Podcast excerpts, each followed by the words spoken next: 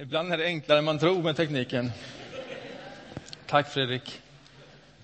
Ja, att vi bygger om här har väl inte undgått någon, tänker jag så. Va? Det märker man på olika sätt.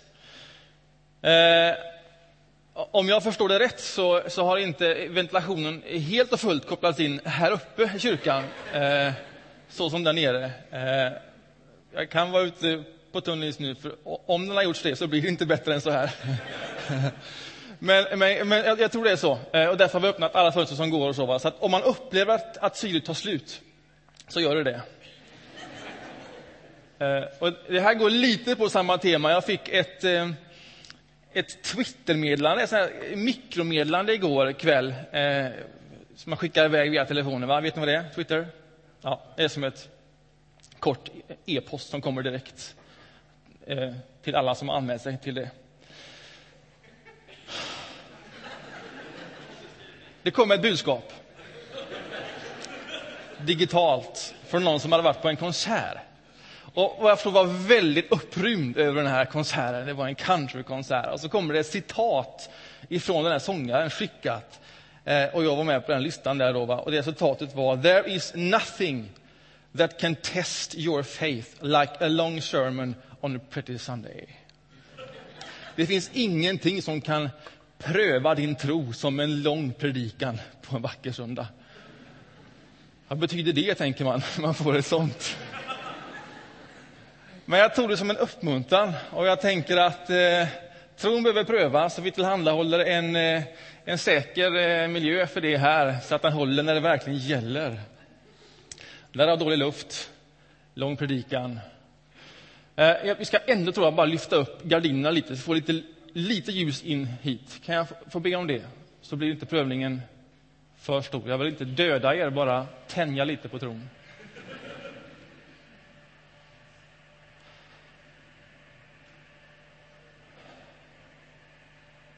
Så. Nu känns det lite lättare, va? Ja. Till ämnet, då. Hela sommaren nu så har vi talat om stora ord. Valt ut stora ord Ord som är kondenserade ord, koncentrerade ord som säger någonting viktigt om kristen tro.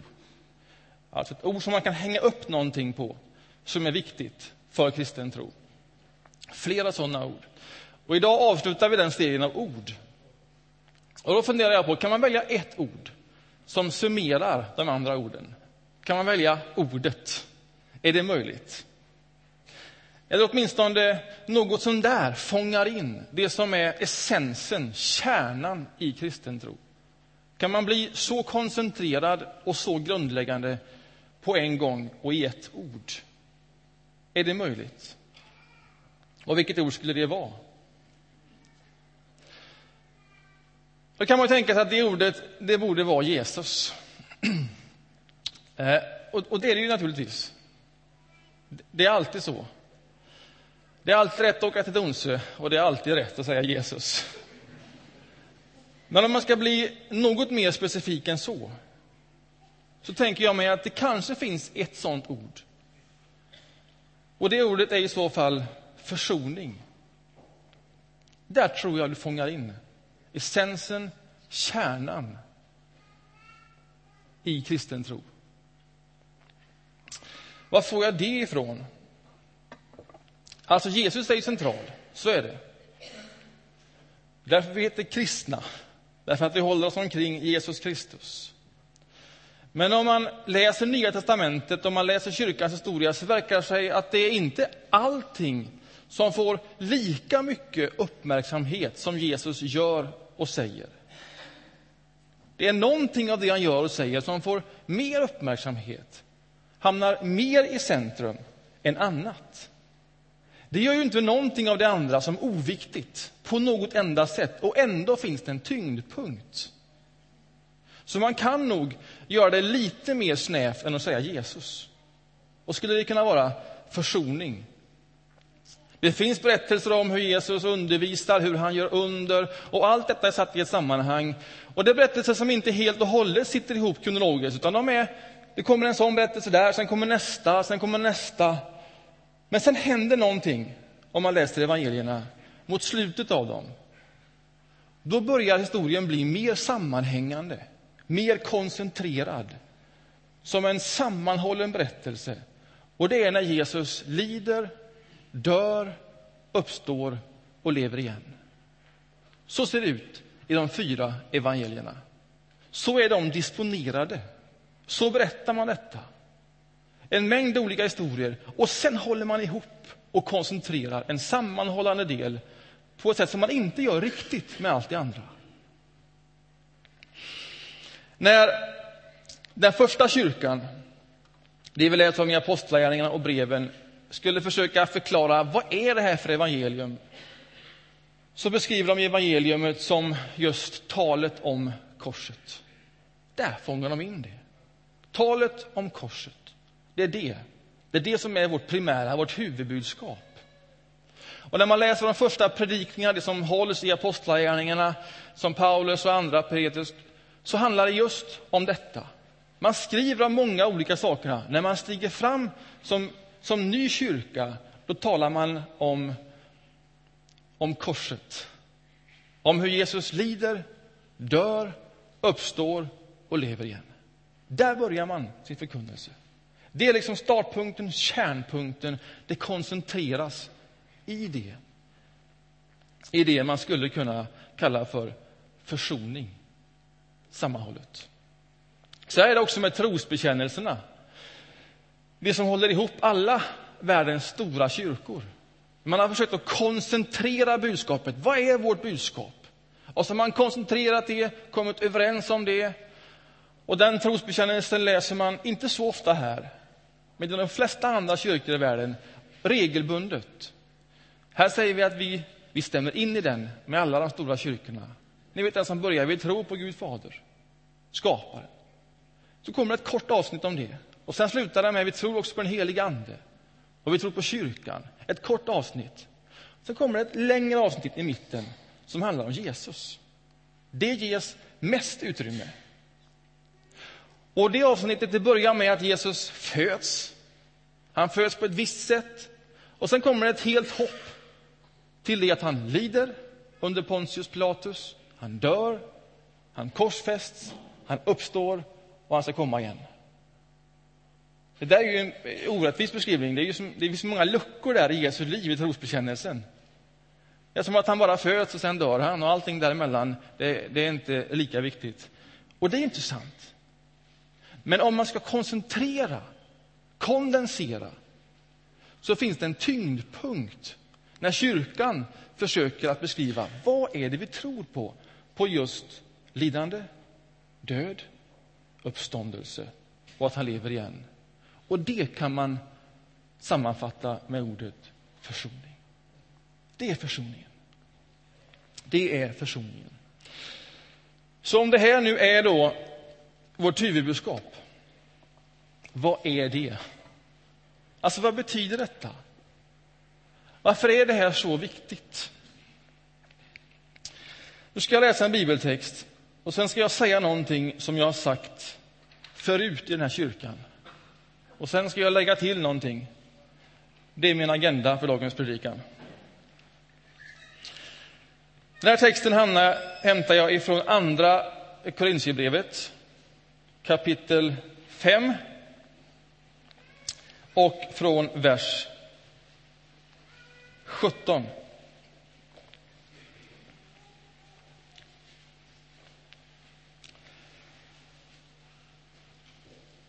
Den som är i Kristus är alltså en ny skapelse. Det gamla är förbi, något nytt har kommit. Allt detta har sitt upphov i Gud, som har försonat oss med sig genom Kristus och ställt mig i försoningens tjänst. Ty Gud försonade hela världen med sig genom Kristus. Han ställde inte människorna till svars för deras överträdelser. Och han anförtrodde mig detta, anförtrodde mig budskapet om denna försoning. Jag är alltså Kristi sändebud. Och Gud manar er genom mig, jag ber er på Kristi vägnar, låt försona er med Gud. Han som inte visste vad synd var, honom gjorde Gud till ett med synden för vår skull. För att vi genom honom skulle bli till ett med Guds rättfärdighet. Det här är ett försök att lägga ut det som är kyrkans tyngdpunkt, kärnpunkt i vad detta betyder och varför det är så viktigt att ges en sån central plats. För att förklara vad Paulus säger så ska vi spela lite skådespel. Jag ska be att, att Ingmar kommer upp. Jag tror också Thomas Olsson. Vi behöver ha två rutinerade aktörer.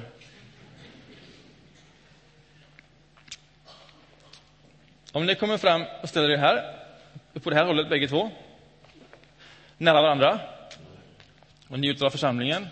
En av er måste vara Gud och en måste vara människa. Det var givet. Thomas är Gud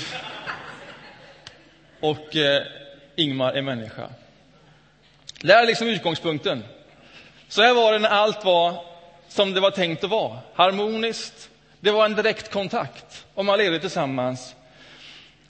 Och så händer någonting väldigt snabbt som gör att människan väljer att gå sin egen väg.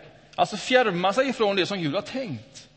Det som var gott, det som var direkt, det som var otvunget, det som var harmoniskt. Och sen går man en egen väg. Kan du stå där och bara titta det hållet och inte vara nyfiken på vad som händer här bakom nu? Och så uppstår då det som inte alls var tänkt från början. Att det blir ett avstånd här mellan människan och Gud. Att det inte alls är harmoni, att det inte är intuitivt, att det inte är självklart, att det inte är direkt, utan att det är separerat. Och när man ska försöka fånga in det här i ett ord, vad är det i hela världen som kunde få någonting att gå så här snett? Det som var så gott. Hur kunde man välja någonting annat än det som var så gott? Och då säger Bibeln, ja men det finns en, en kraft. Och så kallar man det för synd. Ett fenomen. Och man kallar det för synd. Alltså det som gör att man väljer sin egen väg och inte gör och går den väg som är tänkt. Det är någonting som påverkar oss där, som influerar oss. En sfär, en kraft, en makt. Bibeln kallar det sammantaget för synd. Och därför är det synd som står i vägen mellan Gud och människa. Så.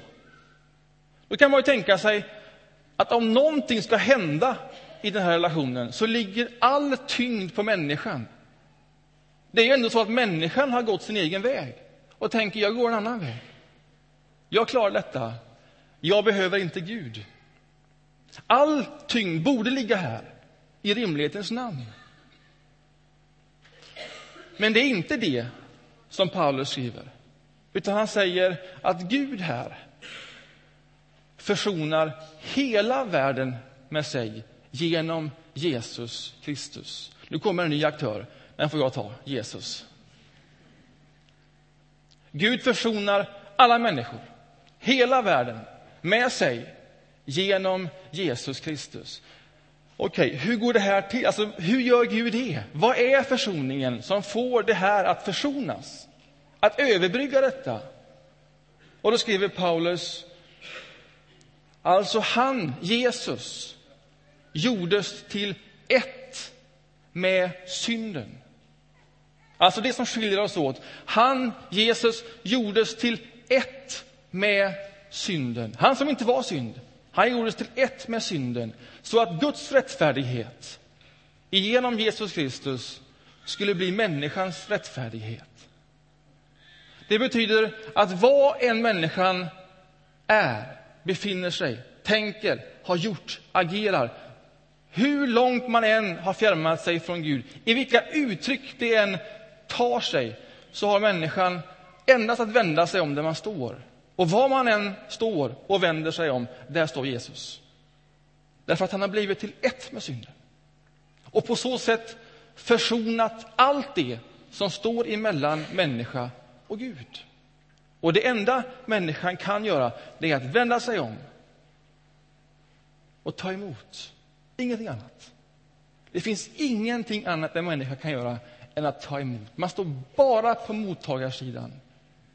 Och när man tar emot Jesus Kristus i tro, för det här går inte att förstå. Det här är ju ett fullständigt mysterium. Det här är ingen enkel ekvation. Men om man ändå i tro tar emot Jesus som honom som har försonat hela världen med Gud genom lidande, död, uppståndelse och liv igen så är allting mellan Gud och människa försonat. Då är man en ny skapelse, säger Paulus. Då har man en ny utgångspunkt, en ny grund. Och allt detta, allt detta har sin utgångspunkt i Gud. Det var det vi läste. Och så säger han, och nu har han satt oss i försoningens tjänst. Alltså den här möjligheten, den här nya utgångspunkten i livet, det är det vi berättar för varandra. Det är det vi berättar för varandra. Detta är försoningen. Vi kan väl tacka dem en applåd bara här. Det är så strålande skådespeleri. Stabil, Thomas. Så. Det här har ni hört mig säga förut. Det här vet vi om. Nu vill jag lägga till det här. Det finns en risk med detta fantastiska budskap. Och det är att vi koncentrerar försoningen inte till allt detta, utan just till detta. Alltså att vi koncentrerar försoningen till den isolerade händelse när vi vänder oss om och tar emot Jesus Kristus. Och så tänker vi oss, det där är försoningen isolerat. Och därför är det bara det vi behöver koncentrera oss på. Det är bara det här vi behöver förkunna. Allt annat är ett tillägg. Det tror inte jag. Det tror jag är att förminska, försnäva försoningen mer än vad som är tillåtet. För man behöver också fundera över, men hur gick det till? Alltså, hur gick det till att den här händelsen blev möjlig?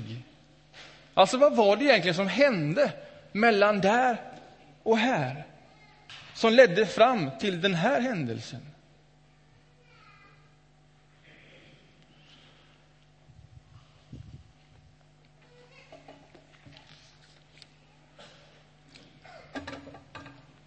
Jag ska läsa en bibeltext till.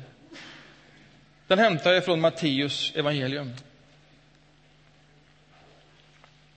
Kapitel 20 och från vers 25.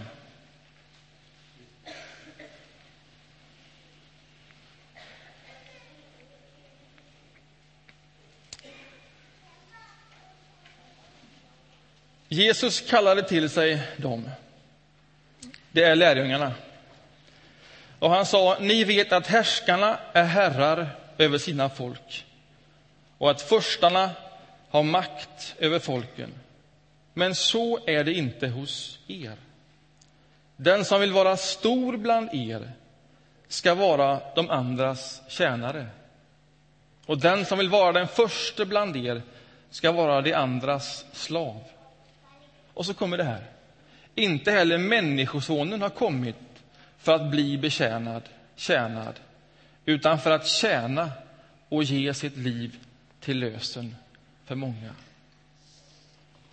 Alltså det som händer på korset, det som skapar möjligheten till försoning, det är inte en isolerad händelse, utan det är slutpunkten på ett liv i uppoffring, utgivande, tjänande, hela vägen så att han ger sitt liv till lösen för många. Är ni med? Alltså, detta sitter ihop. Detta är den sammanhållande berättelsen som får det största utrymmet i evangelierna. Hur han lever ett alltigenom utgivande, självuppoffrande, tjänande liv på tvärs mot alla stora och givna intuitiva ideal. Och den vägen som han går, som ingen annan hade väntat sig att gå, den slutar, leder fram till att han ger sitt liv, dör och uppstår och med det vinner allt. Det gör att när en människa här vänder sig om, tar emot i tro och kopplar på den försoning som redan har skett man kopplar in i den försoningen, så kopplar man in på en väg att gå. Som var den vägen som ledde dit. Och det är den vägen, det är där vi följer Jesus Kristus. Det är där vi tar upp vårt kors och går den väg som han har gått. Alltså om man stannar här och låter det här bli till en isolerad händelse, nu är jag försonad, punkt. Då har man förminskat försoningen. Försoningen är att koppla in i Guds pågående försoning och gå den väg som Jesus gick. Och det där är ju inte enkelt.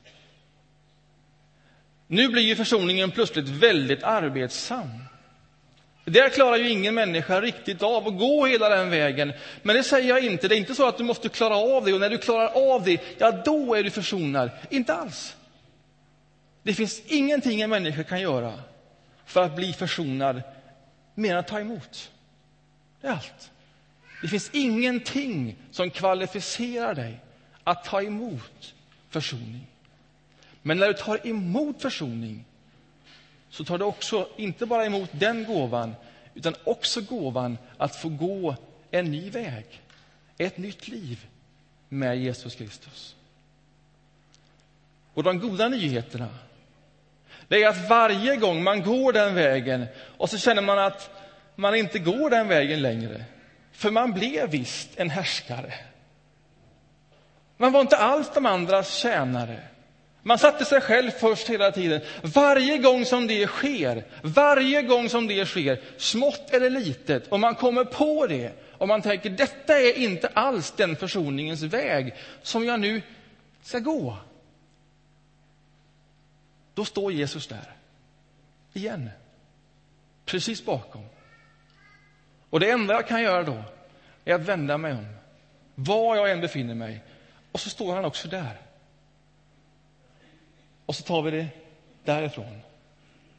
Så blir försoning igen en ny gåva, som en pågående process, som en påminnelse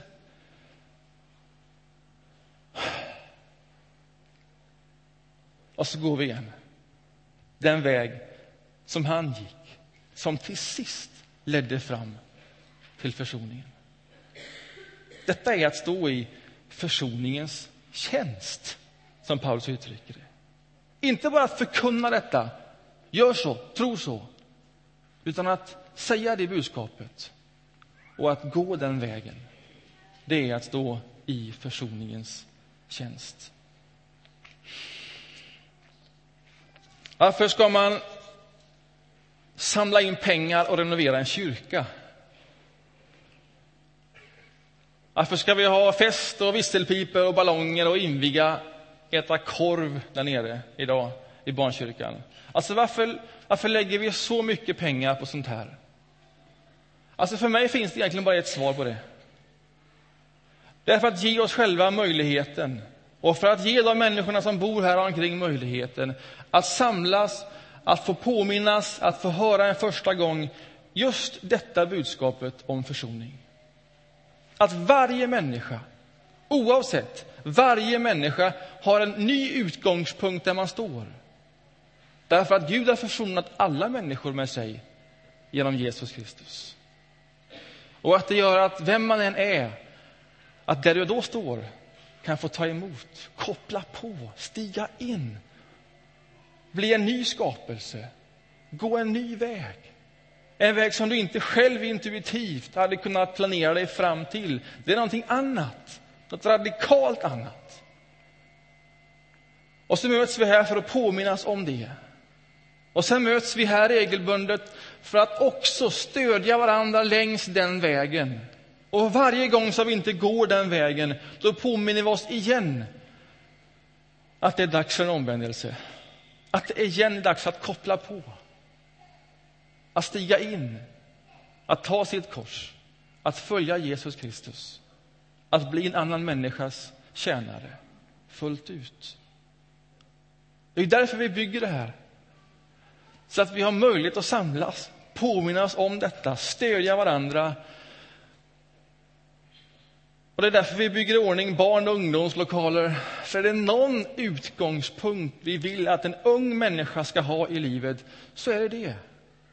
Att var den människan än kommer att befinna sig i sitt liv, så är det aldrig längre än att bara vända sig om där man står. Och så är Jesus där. Och när man har gjort det så ska man också veta att det finns andra människor som går samma väg, som möts här och som inte annat vill än att hjälpa och stödja varandra på den vägen och som vet att det inte är enkelt. Det är därför vi bygger. Jag tror man kan sammanfatta det centrala budskapet i ett ord. Det är försoning. Och försoning är värt allt. Det kostar Gud allt. Och det är värt allt. Så tänker jag. Vi förenar oss i en bön.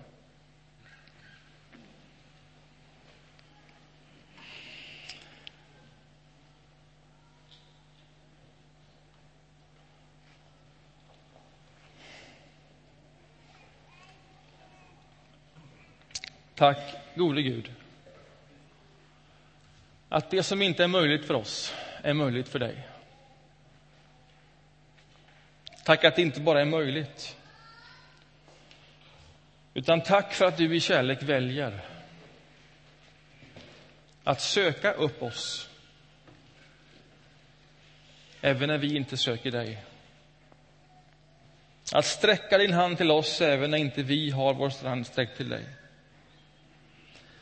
Så att när vi väl är där i vårt liv, om vi är där, och vi sträcker oss efter dig och vi söker efter dig, ja, så är vi redan sökta.